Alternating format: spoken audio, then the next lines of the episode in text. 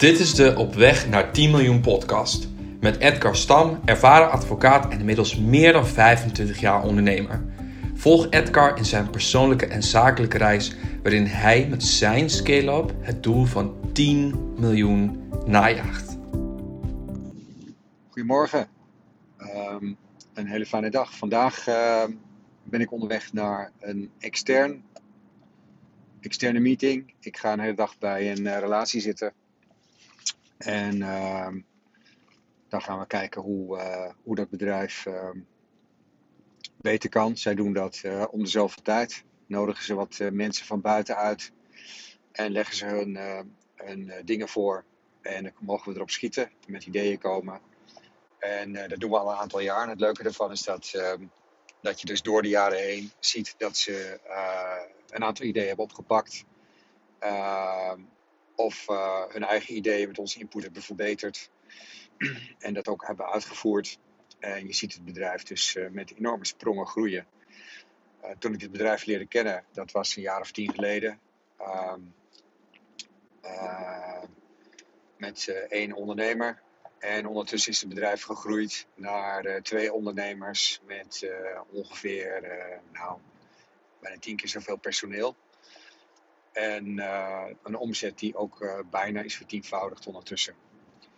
Um, en uh, misschien is een soort wel marktleider geworden. Dus dat is super leuk om te zien. wij proberen ongeveer hetzelfde te doen natuurlijk. ietsje sneller dan tien jaar hoop ik. vorige week hadden wij onze quarterly meeting. En daar doen we dan eigenlijk een hele dag kijken naar onszelf. Met dan zonder mensen van buiten. Maar het is misschien ook leuk om mensen van buiten erbij te halen een volgende keer.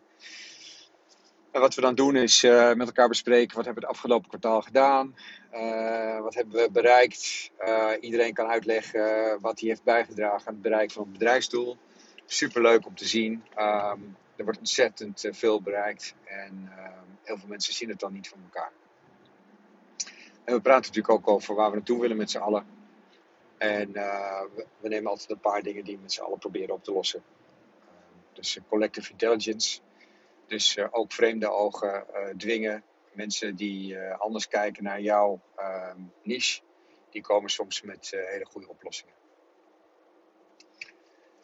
Dus um, ja, dat is voor vandaag. En de afgelopen week was een weekje van um, advocatenwerk um, een beetje nadenken over de, de toekomst. En, um, en nu ben ik aan het luisteren. Uh, ik heb een goed boek gelezen, uh, The Magic of Thinking Big. En nu ben ik aan het luisteren naar From Zero to One. En eigenlijk net het stukje dat je als bedrijf iets moet hebben dat je, waardoor je tien keer beter bent in iets dan een ander. En nu zit ik na te denken over wat is onze 10x, onze 10 keer factor wat ons beter maakt dan, uh, dan de rest. En uh, ik denk dat ik daar wel een idee over heb. We gaan kijken of we dat uh, gaan uh, realiseren. Ons eerste online product is gelanceerd deze week. En ehm, ik hoop dat dat inzicht geeft in of wij die, die tien, tien, keer factor hebben. wat me laatst juridisch was opgevallen is, ja, ik stond bij de rechtbank.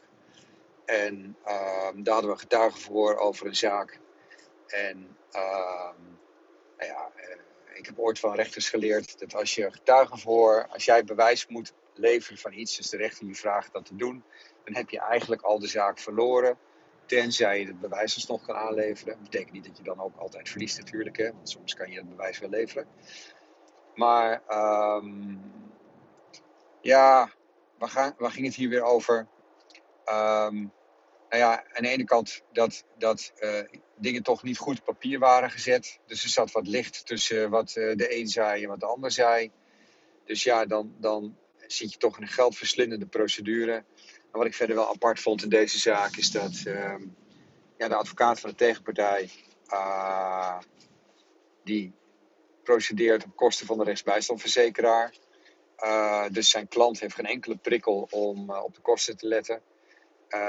Voor hem is het gewoon eigenlijk eh, win-win. Um, zijn klant begon pas met de claim nadat mijn klant een persbericht had rondgestuurd dat ze waren overgenomen door een groot bedrijf. Uh, daarvoor waren ze eigenlijk nobody en uh, waarschijnlijk met weinig geld. Dus ja, dan denk ik, je weet nooit of het klopt. Maar dan denk ik van, nou ja, goed, die hebben dus samen bedacht van, uh, luister, we gaan gewoon ehm, maar proberen. we schieten, nooit geschoten, altijd mis. Het kost jou niks. als advocaat verdien ik wat. En met een beetje mazzel betaalt die klant wel. En ja, dat is dus iets wat in dit systeem dat wij in Nederland hebben wel vaker gebeurt. Het is eigenlijk de, wat ik dan noem de perverse prikkel van de rechtsbijstandverzekering en ook van de, van de gefinancierde rechtshulp.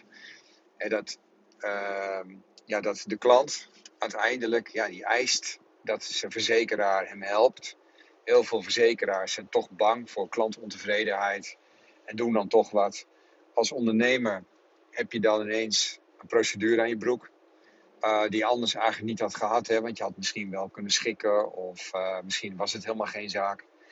Hetzelfde geldt voor mensen die particulieren die gefinancierde rechtshulp hebben.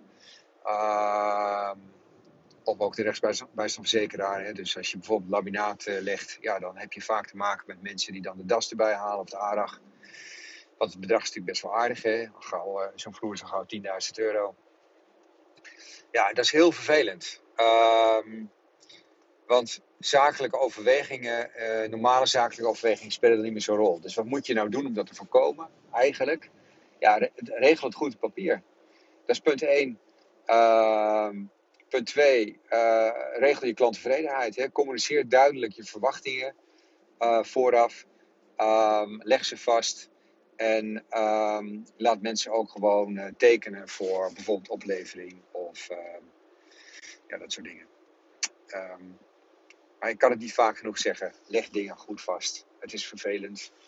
Maar ja, het voorkomt zoveel ellende.